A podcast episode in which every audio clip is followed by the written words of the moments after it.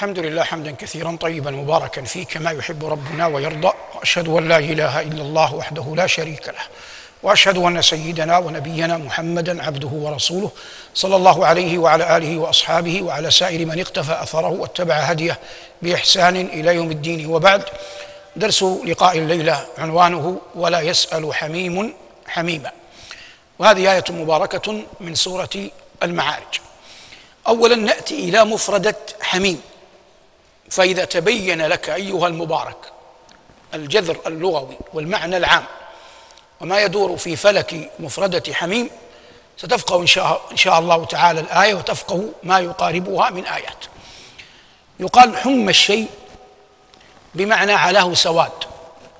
فمثلا ورد عن بعض سلف الأمة أنهم كانوا يعتمرون فإذا اعتمروا حلقوا ماذا؟ رؤوسهم. فالرأس إذا حلق يظهر كأنه أبيض. قالوا فإذا حم الرأس ما معنى حم الرأس؟ ظهر فيه سواد الشعر. عادوا لل للعمرة. نقل هذا وذكره بعض مشايخنا من المالكية خاصة. هذا مدخل للأمر. الله يقول وسقوا ماء حميما فقطع أمعاءهم فالحميم هنا الماء الحار الماء الحار. وقال ثم إن لهم عليه لشوبا من حميم. كذلك هو الماء الحار. إذا ما يتعلق بالشيء الحار ما يتعلق بالنار ما يتعلق بالسواد يدور حول مفردة حميم. لكن الله عز وجل يقول هنا ولا يسأل حميم حميما. ويقول في فصلت فإذا الذي بينك وبينه عداوة كأنه ولي حميم. قد يكون لك قريب صديق جار زميل أخ صاحب لكن محبته لك تعظم تزداد.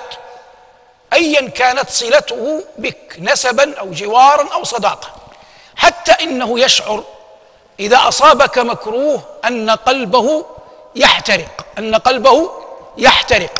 هذا الذي تشعر أنت نحوه أو هو يشعر نحوك بأن قلبه يحترق إذا أصابك ضر هذا من؟ هذا الحميم. ليس كل قريب حميم فقد يكون القريب عدوا. واضح؟ وقد يكون الجار عدوا. لكن من يصيب قلبه يصبح قلبه كأنه يحترق من أجلك هذا هو الحميم. هذا هو ماذا؟ هو هذا الحميم بصرف النظر عن سبب العلاقة التي بينكما. قد تكون قرابة اخوه جوارا صداقة كما بينا. ظاهر هذا. الآية تتحدث عن يوم المحشر. ويوم المحشر يوم جليل الخطر عظيم الأثر. قال الله عز وجل في كتابه العظيم سأل سائل بعذاب واقع للكافرين ليس له دافع من الله ذي المعارج تعرج الملائكة والروح إليه. في يوم كان مقداره خمسين ألف سنة فاصبر صبرا جميلا. إنهم المخاطبون الأولون بالقرآن قريش. إنهم يرونه بعيدا ونراه قريبا. ليس المقصود أن قريش اليوم الآخر أمامها وهي في مسافة بعيدة وترى شيئا يسيرا منه. كمن يأتي إلى بلدة أو إلى جبل ويقول لما بعد لم أصل إنني أراه بعيدا. ليس المقصود رؤيا بصرية ليس المقصود رؤيا بصرية. لكن أنت عندما يعرض عليك أحد أمرا أو شأنا أنت تقول يا بلهجتك العامية بين قوسين اعذروني. تقول هذا بعيد. ما معنى بعيد؟ يعني مستحيل. هذا بعيد يعني مستحيل. فقريش الله يقول عنهم إنهم يرونه بعيدا يعني يرون استحالة أن يقع استحالة أن يكون هناك بعث أو نشور. هم يقولون محال أن يكون هناك بعث ونشور وإحياء للموتى إنهم يرونه بعيدا ونراه قريبا أي لابد أنه كائن. متى يكون يا رب العالمين؟ قال الله يوم تكون السماء كالعهن. ولك أن تتصور ما الصوف؟ الصوف مع مع السماء المعروفه الآن. العهن هو الصوف. فانظر إلى الصوف ورقته وانظر إلى السماء وسمكها. فالسماء تتحول كالعين. يوم تكون السماء كالعين وتكون الجبال يوم تكون السماء كال كالعين كالمهل. تكون السماء كالمهل يعني تذوب. والجبال لك أن تتخيل شدتها وصلابتها تصبح كالصوف. وتكون الجبال كالعين. نحن حولنا في الأول. واضح الآن قال الله عز وجل عن عندها ولا يسأل حميم حميما. ثم قال وهذا هو فصل الخطاب في الآية قال يبصرونهم. فأنت لو جئت في مكان مزدحم أو الناس يحتاج بعضهم لبعض ولم يقم منك فزع لأخيك تعتذر. إذا قابلته تقول بكل يسر وسهولة والله ما ما رأيتك ما رأيتك حتى أعينك.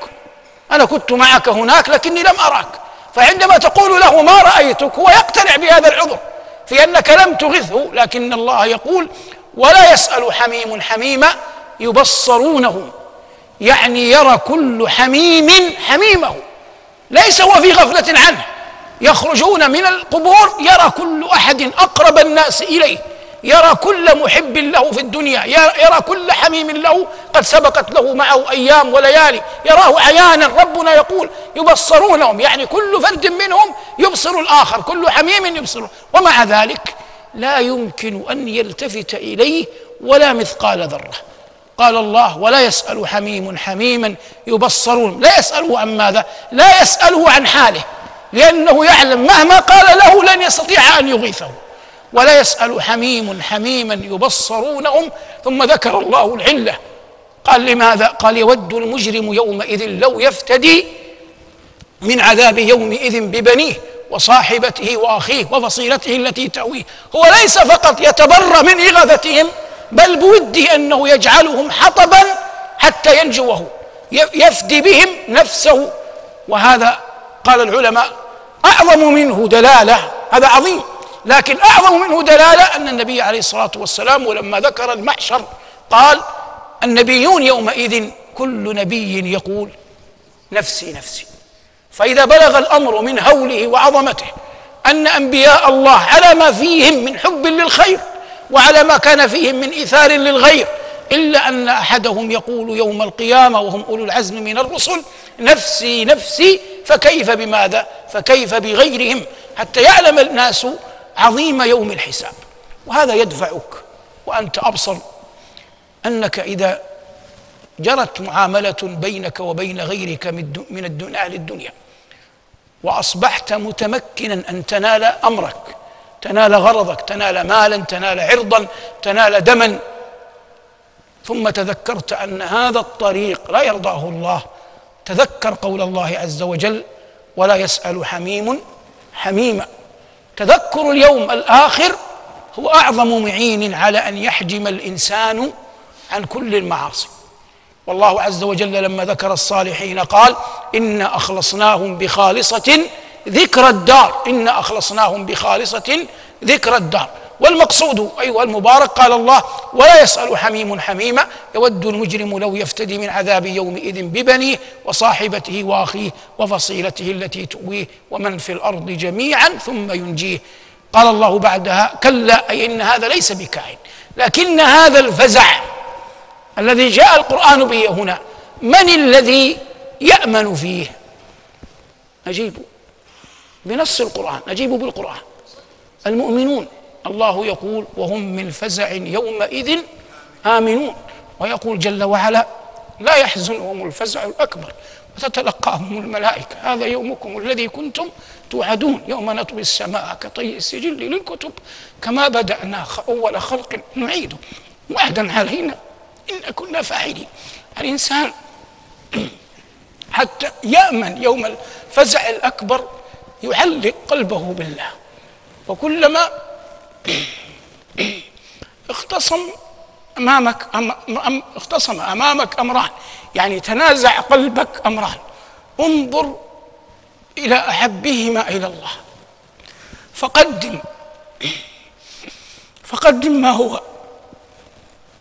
الله عز وجل يحبه. هذا من أعظم أسباب النجاة يوم الفزع الأكبر. من من اختار الله في الدنيا لا يمكن أن يخذله الله في الآخرة.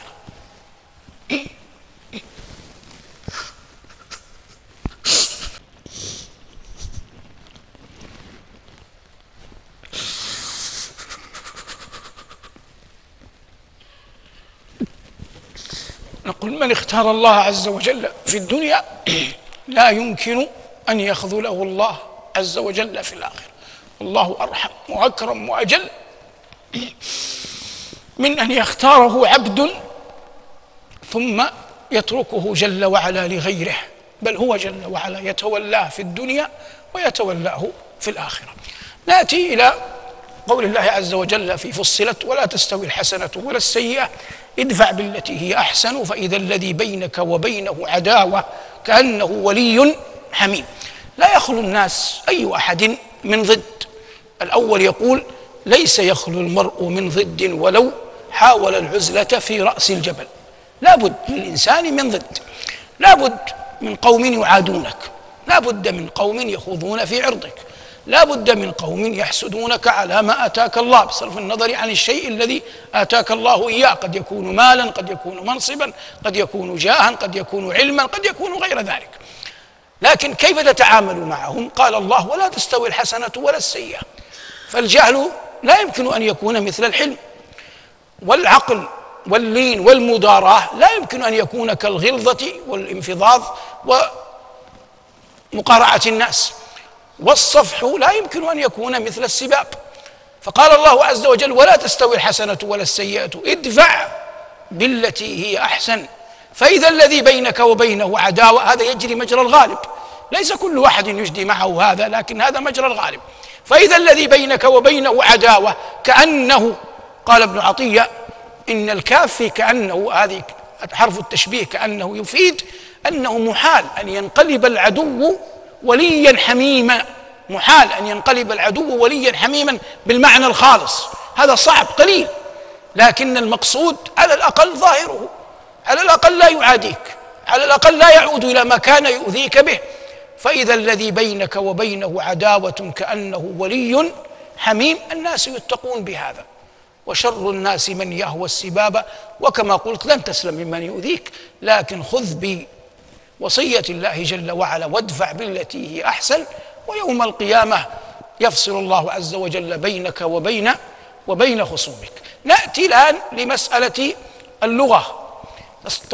تسمعون عن الحريري صاحب المقامات. هو بليغ على ما فيه؟ عفى الله عنا وعنه. فهو ينصح ابنه فيقول لا تغترر ببني الزمان ولا تقل عند الشدائد لي أخ ونديم ينصح الحريري ابنه. فيقول لا تغترر ببني الزمان ولا تقل عند الشدائد لي أخ ونديم جربتهم فإذا المعاقر عاقر والآل آل والحميم حميم جربتهم فإذا المعاقر عاقر والآل آل والحميم حميم. الآن نأتي معكم نحاول أن نبين هذه المفردات. هو يقول لابنه لا تعتمد على أحد عند الشدائد مهما عظمت صحبتك له. ثم ضرب له مثلا قال جربتم يعني جربت الناس قبلك. فإذا المعاقر عاقر. من المعاقر؟ المعاقر يعني عافانا الله وإياكم من يشربون سويا. من يشربون سويا. عاقر من المرأة العاقر؟ التي لا تلد. فهو يقول هذا الذي يعاقرك الشراب يعاقرك الخمر عياذا بالله ماذا سيأتي من وراء الخمر؟ يصبح عاقر يعني لا تستفيد منه شيئا كالمرأة العاقر. والآل آل. الآل الأولى ما معناها؟ الآل الأولى. آل محمد يعني أتباع محمد أهل محمد. فالآلة الأولى يقول والذين تظنهم أنهم أهلك وآلك وأتباعك والآل آل. الآلة الثانية ما معناها؟ والآل آل. الآل. السراب. والآل آل. يعني من تراه أهلك يصبح سرابا. والحميم يعني القريب يصبح حميم يعني كأنه ماء حار. واضح من الآن جربتهم فإذا المعاقر عاقر والآل آل. والحميم حميم. وهذا قدرة يعني قوية جدا في التصرف في اللغة ليس كل أحد يؤتاها. ولكن الإنسان إذا كان بعيدا عن هذه القراءات قد يعني يصعب عليه ليس فهمها حاشاكم لكن يصعب عليه تقبلها لأنها ليست ليست بالشيء الذي يعنى المرء به. لكن لو قدر أن أحدكم قرأ في مقامات الحريري وقرأ في شروحها سيستفيد كثيرا جدا. على ما في الرجل لأن يعني الرجل كان فيه أوصاف غريبة لكن هذا لا يعنينا نحن يعنينا علمه وهو أفضى إلى ربي والله يغفر لنا وله. لكن المقصود أن الإنسان بمثل هذه القراءات ومثل هذه الفوائد يصبح شيئا آخر في غالب الظن. هذا ما تيسر إيراده وتهيأ إعداده وعان الله على قوله والعلم عند الله وصلى الله على محمد وآله والحمد لله رب العالمين.